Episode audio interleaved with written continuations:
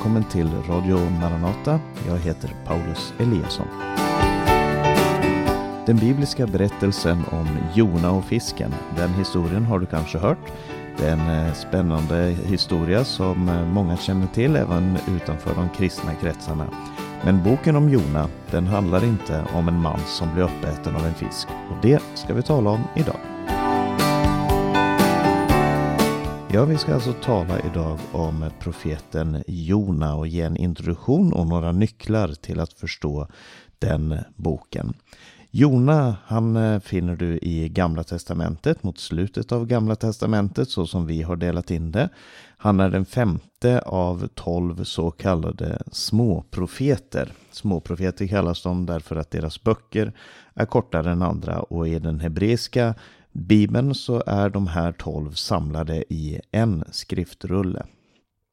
Författaren till Jonas bok är okänd. Det kan vara Jona själv, det kan vara någon senare efter honom. Eh, det vet vi inte helt enkelt.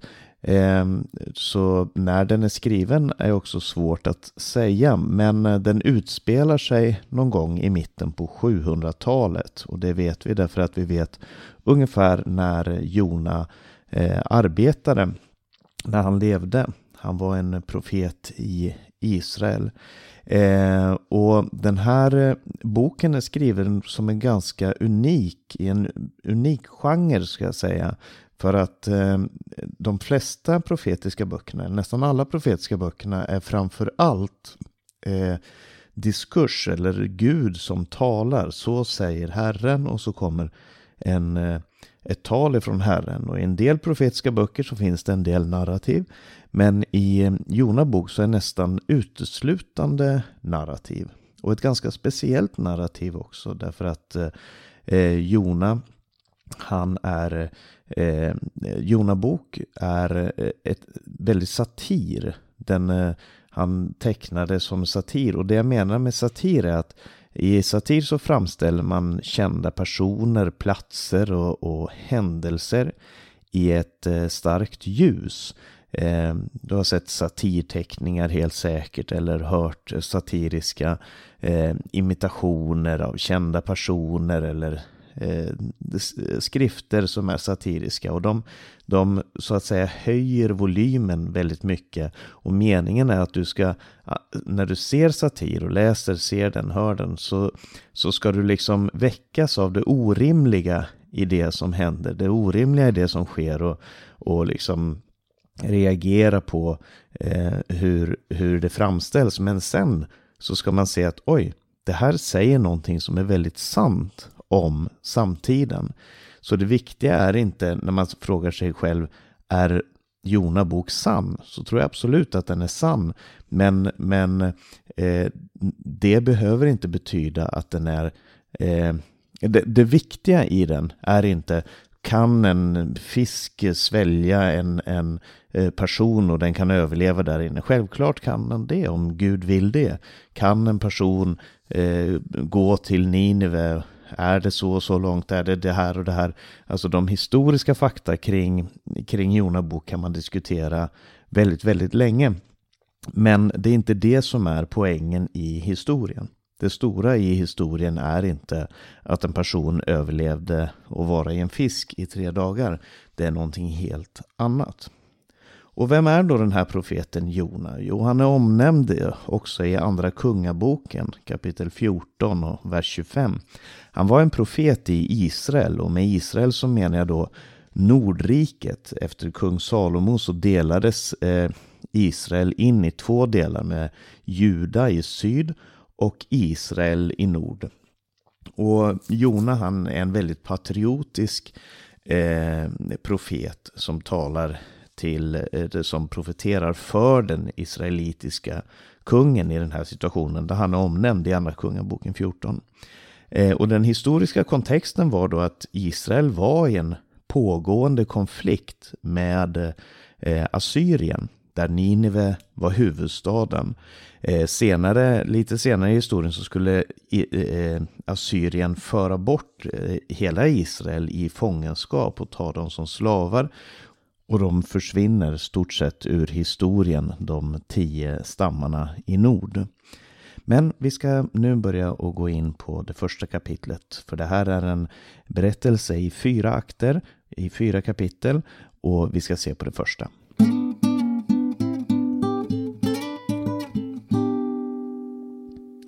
Jona börjar väldigt mycket som alla andra profetiska böcker, men den byter ganska snabbt ton.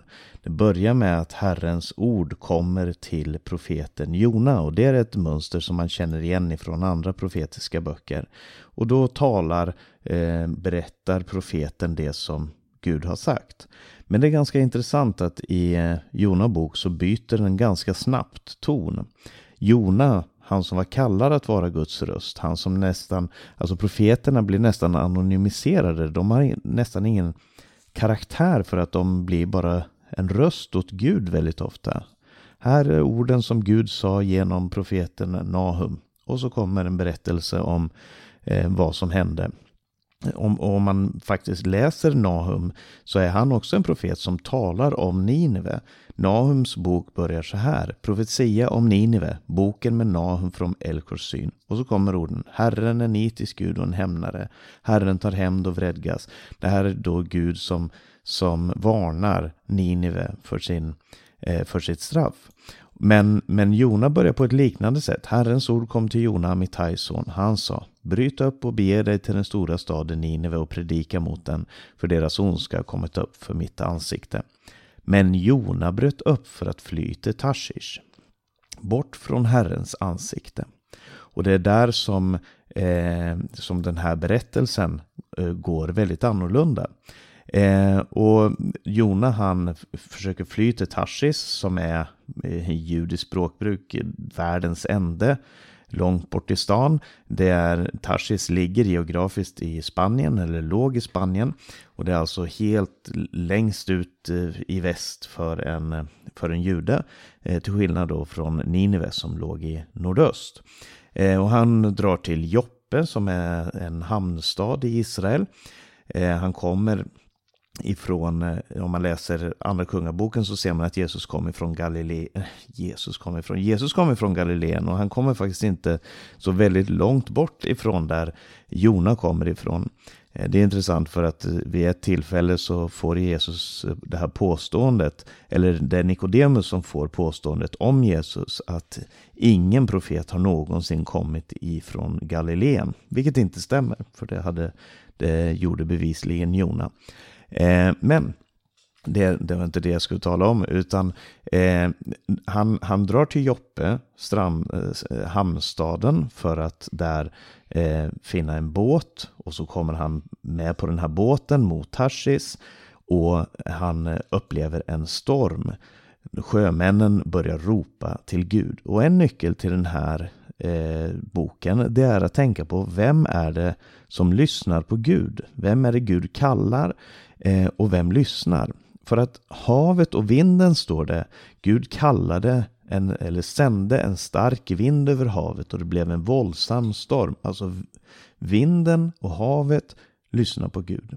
Och med en gång som den här stormen kommer så förstår sjömännen att det är någonting gudomligt som händer och de börjar ropa till Gud.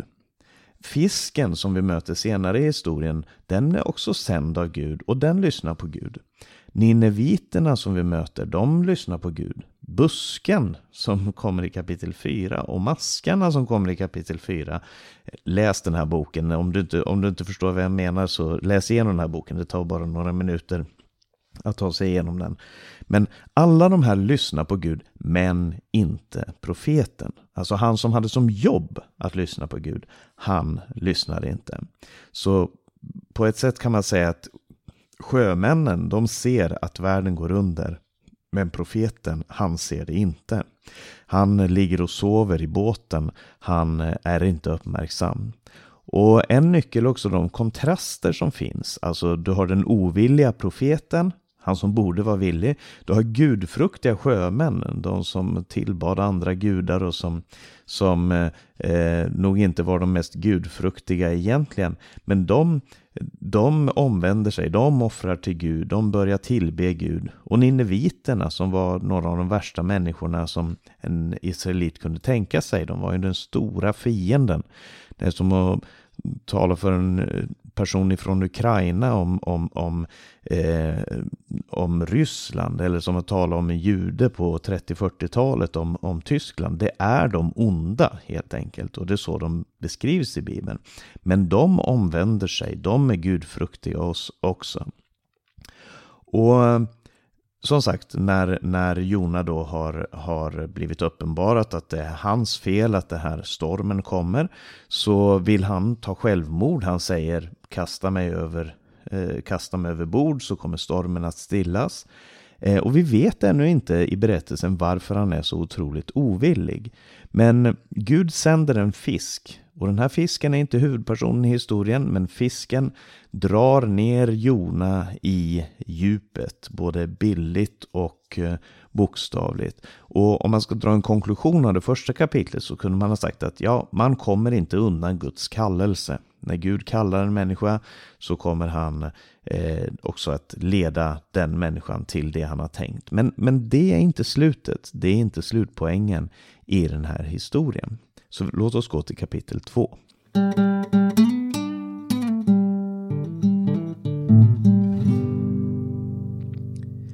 I kapitel 2 så möter vi Jonas bön. Eh, Jona ber en bön som har väldigt många likheter med olika salmer. Och det finns också mycket dödssymbolik i det här. Han, han är nere i djupet, mitt i havet, strömmarna omsluter mig.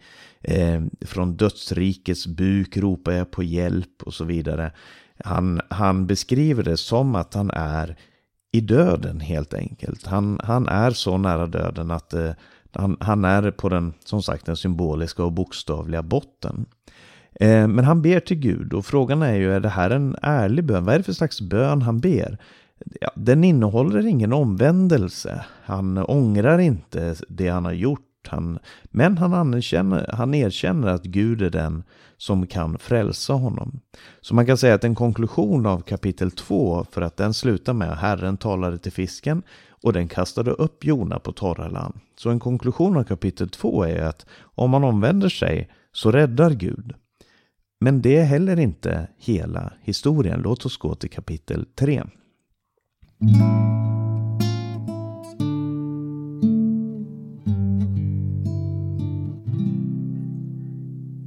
I kapitel 3 så står det att Guds ord för andra gången kom till profeten Jona. Och det är en beskrivelse av Guds nåd, att Gud är nåderik och barmhärtig. Eh, och den här boken den går väldigt mycket ut på att visa Guds karaktär i kontrast mot människans och framförallt då Jonas karaktär. Eh, Gud kommer till honom igen och han har fortfarande samma budskap, gå till Nineve och förkunna Guds ord. Eh, och han går in i Nineve och har världens kortaste predikan. Den innehåller det essentiella men kanske mindre än det. Han säger om 40 dagar ska Nineve förstöras. På hebreiska så är det bara fyra ord. 40 dagar Nineve förstöras eller Nineve omvältas. Han gör det han måste. Han har lärt sig lydighet. Men han gör inte mer än det. Han säger ingenting om hur man kan bli frälst, vem Gud är, eh, Guds karaktär. Eh, han säger ingenting annat än just det här. Om 40 dagar ska Nineve förstöras. Eh, det är som att Jonas säger att ja, nu gör jag det som Gud kräver och sen får Gud vara nöjd. Jag, jag gör det som förväntas av mig och så, och så får vi se, så, så får Gud vara nöjd med mig. Nu har, nu har han eh, tvingat mig hit, jag har lärt mig att jag måste lyda Gud annars så går det illa. Men hur som helst, folket omvänder sig. Till och med djuren omvänder sig. Alla omvänder sig. De fastar, de klär sig i säck, de äter och dricker ingenting. Och det som händer är att Gud följer sin egen karaktär. När Gud såg vad de gjorde, att de vände om från sin onda väg, då ångrade han det onda som han hade hotat att göra mot dem och gjorde det inte. Så konklusionen av kapitel 3, det blir ju i så fall att till och med hedningar, till och med de ondaste människorna kan bli frälsta om de omvänder sig. I kapitel 2 så var det Jona som bad till Gud och Gud frälste honom. I kapitel eh, 3 så är det nineviterna som ber till Gud och Gud frälser dem. Och man, en nyckel kan vara att lägga märke till parallellerna mellan Jona, som är en symbol för Israel, och Nineve, För båda var på väg att dö. Båda var under Guds straffdom, men båda blev frälsta av Gud. Eh, men eh, boken slutar inte med kapitel 3. Det vanliga är ju att eh, om man, ofta när jag hör den här berättelsen berättas så slutar man ungefär här. I, i barnbiblar där det är populärt att berätta om Jona. Antagligen för att det involverar en fisk och tycker om det här med djuren och lite mäktiga saker, storm och vind och så vidare. Men i de berättelser som jag har sett med Jona som berättas för barn så kommer man ofta tillbaka, så slutar man ofta här i kapitel 3. Så blev hela Nineve frälst och så var, så var sagan slut. Eh, men det är inte slutet på sagan. Det, det är faktiskt inte poängen i Jona bok är inte till och med hedningar kan bli frälsta. Eh, alla de här sakerna som vi har sagt hittills, man kommer inte undan Guds kallelse, när en person, en gudfruktig person omvänder sig så räddar Gud och att till och med hedningar kan bli frälsta om de omvänder sig. Allt det här är sant om Gud. Men det viktiga, det stora i jo, jo, eh, Jona bok, det kommer i kapitel 4.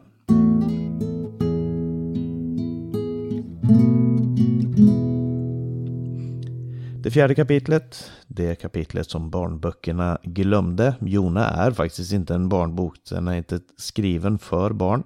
Eh, jag tror att det är nyttigt och bra att barn läser den här boken, men det är inte det eh, som den är skriven för. Eh, Jona, han blir upprörd i det här kapitlet. För att han eh, vet redan han visste att Gud skulle frälsa eh, nineviterna och nu får vi veta varför Jona inte ville gå. Han ville inte att Gud skulle sträcka ut sin frälsning till nineviterna. Han, han sa, jag, jag visste att du är Herre, var det inte det jag sa när jag var kvar i mitt land? Därför vill jag förekomma det och fly till Tarsis. Jag visste ju att du är en nådig och barmhärtig Gud, Sent till vrede, stor i nåd och beredd att ångra det goda. Det här var en uppenbarelse som Israel hade fått när de var i öknen. I Andra Mosebok 34 så säger Herren det här om sig själv när han möter Mose uppe på berget. Jag är Herren, Herren, nådig, barmhärtig, sen till vrede, stor i nåd, beredd att ångra det onda och så vidare. Och Eh, saken är den att vi människor, precis som Jona, för att den här boken handlar inte bara om Jona, den handlar om dig och mig. Eh, vi människor, vi är inte som Gud. Vi är inte nådiga och barmhärtiga, sena till vrede och stora i nåd och beredda att ångra det onda.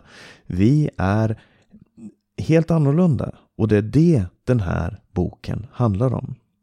Det här är en nyckel i eh, skriften att eh, Abrahams ett, Israeliterna, var utvalda för att välsigna hela världen. Gud hade sagt det till Abraham, i dig ska alla släkten på jorden bli välsignade. Men Abraham var en människa och vi är också människor som, som inte är speciellt förlåtande så som Gud förlåter. Som inte välsignar de som förbannar, som inte ber för de som förföljer, som Jesus talar om i sin bergspredikan. Istället så är Jona som representant för oss, han är vansinnig, han är riktigt arg. Allt gick Nineve väl och att det gick Nineve väl, det var kränkande för honom som profet. Han, han, skulle, han ville se Nineve dömas, han ville se Nineve förstöras. Han visste att det var Nineves eh, öde, att det var, det var dit de var på väg, mot en förstörelse. Gud skulle förstöra staden. Och nu kommer Gud och säger, jag vill ha barmhärtighet mot de här människorna. Och han blir vansinnig för det. Och den här boken, den slutar med en fråga från Gud och den frågan är den viktiga frågan. Skulle jag då inte bry mig om Ninive? Och det är en fråga som är viktig för oss. Och det den här boken uppenbarar, det är Guds kärlek. Guds hjärta för människor. Den uppenbarar vem Gud är och vem Gud älskar. Och frågan är ju för oss, när vi läser det här, för att helt plötsligt så byts Jona ut mot dig och mig i alla våra situationer i livet. Vi känner Gud, vi vet vad Guds vilja är, vi har hört om Gud. Men har vi Guds karaktär. För att Gud vill inte bara att Jonas ska vara lydig. Det blev han redan i slutet av kapitel 2 så blev han lydig. Men Gud vill att Jonas ska älska så som Gud älskar. Han vill inte bara placera sitt ord i honom, han vill placera sitt hjärta i profeten.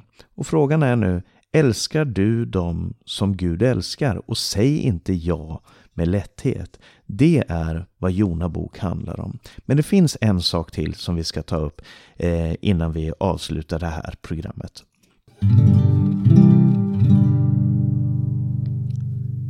Jesus säger i Nya Testamentet att som Jona var tre dagar i fiskens buk så ska Människosonen vara tre dagar i jordens inre. Det finns alltså en likhet mellan det Jesus gör och det Jona gjorde. Eh, det Jona gjorde på sin tid är en förebild på ett eller annat sätt för det Jesus skulle göra eh, då han dog och uppstod. Och det handlar inte bara om antalet dagar som Eh, Jona respektive Jesus är i fiskens buk och i, eh, i graven i, i jordens inre. Utan likheten finns också i den här att Jona han dör, han måste dö ifrån sig själv genom den här symboliska handlingen då, han, då fisken sväljer honom och han dras ner i djupet. Han dör för att han ska kunna bli världen till frälsning. I hans fall så handlar det om olydnad. Men i Jesu fall så handlar det om att han gjorde det av lydnad. Och Jesus, han gör det av den oändliga kärleken. Han har fått den kärleken som Gud har för folket. Alltså Jona, han satt utanför staden och väntade på att den skulle bli förstörd. Men bara dagarna innan Jesus själv dog så stod han utanför Jerusalem och såg staden och grät och sa Jerusalem, Jerusalem, att du idag förstod vad som hör till din frälsning, men nu är det dolt för dina ögon. Fienden kommer att kasta upp sina, sina vallar emot dig och de kommer att förstöra allt som är där inne. Jag hade önskat att jag skulle kunna samla dig som en, som en höna samlar sina kycklingar, men du ville inte. Det här, här uppenbarar Jesus, parallellen mellan Jesus och, och Jona är i kontrasten mellan det de gör. Alltså det, det, finns ett mönster men det finns också en kontrast där Jesus verkligen uppenbarar sitt stora hjärta. Det är lite som i berättelsen om den förlorade sonen och den sonen som var hemma som går ut och säger att varför har du sträckt ut din kärlek till den här sonen som har förstört, som har gjort så mycket ont, som har, som har syndat och så vidare.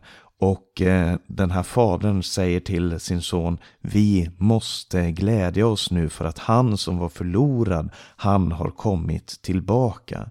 Och Jona är den första missionären, han är hedna missionären, den första som når ut med sitt budskap och inte bara når ut men, men också går dit där människor är. Och vi vet inte vad som var resultatet i Jonas liv. Omvände han sig? Blev han Eh, berörd av det som Gud sa på ett sätt som gjorde att han eh, började eh, missionera mer och förstå mer av Guds hjärta för, för hedningarna. Vi får ju verkligen hoppas och tro det. Men, men den här boken den, den lämnar oss i en betänksamhet och det är med avsikt. Den lämnar oss med en fråga. Skulle inte Gud bry sig? När vi bryr oss om så mycket i våra egna liv, när vi bryr oss om hur det går med oss själva, skulle då inte Gud bry sig om alla människor? Och den här längtan som finns hos Gud om att få nå ut till alla människor, den är väldigt uppenbarad i hela skriften. Och det det är det som Jona bok handlar om och jag hoppas att du har fått uppleva eh, och, och, kan läsa den här boken på ett nytt sätt när du kommer tillbaka till den. Eh, läs den gärna och kontakta oss gärna också om du har några frågor omkring det du läser eller om du har några egna tankar eller om det här programmet har hjälpt dig på något sätt. Vi ska strax avsluta med en sång som handlar just om den här första kärleken. Men vi ska först ha lite avannonseringar.